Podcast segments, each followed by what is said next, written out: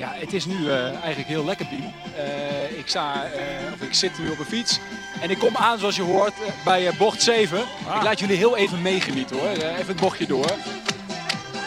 Iedereen staat hier te klappen en te springen. En dit is echt zo'n moment dat die lach tevoorschijn komt. Ik laat jullie even meegenieten.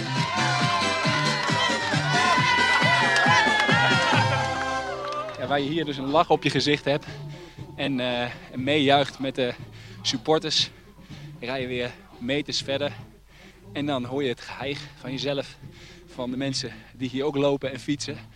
En zo wisselt het eigenlijk van emoties, van eh, ja, blijdschap naar eh, berusting, naar denken aan die mensen die nu vechten tegen kanker.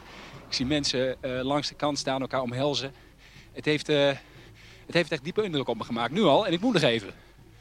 Wanneer, wanneer verwacht jij dat het erop zit, deze enorme taak? Eh, ik hoop, laten we de verwachting even tot, omdopen tot hoop, Ja. dat het eh, vanavond voor zes uur gepiept is. Maar ik moet er nog drie en eh, ik ben nu met de derde bezig. En daarna dus nog drie. Dus eh, het, gaat, eh, het gaat nog zwaar worden, Biem. Hou vol, je bent een topper. En al die mensen die daar bezig zijn, zijn natuurlijk allemaal toppers.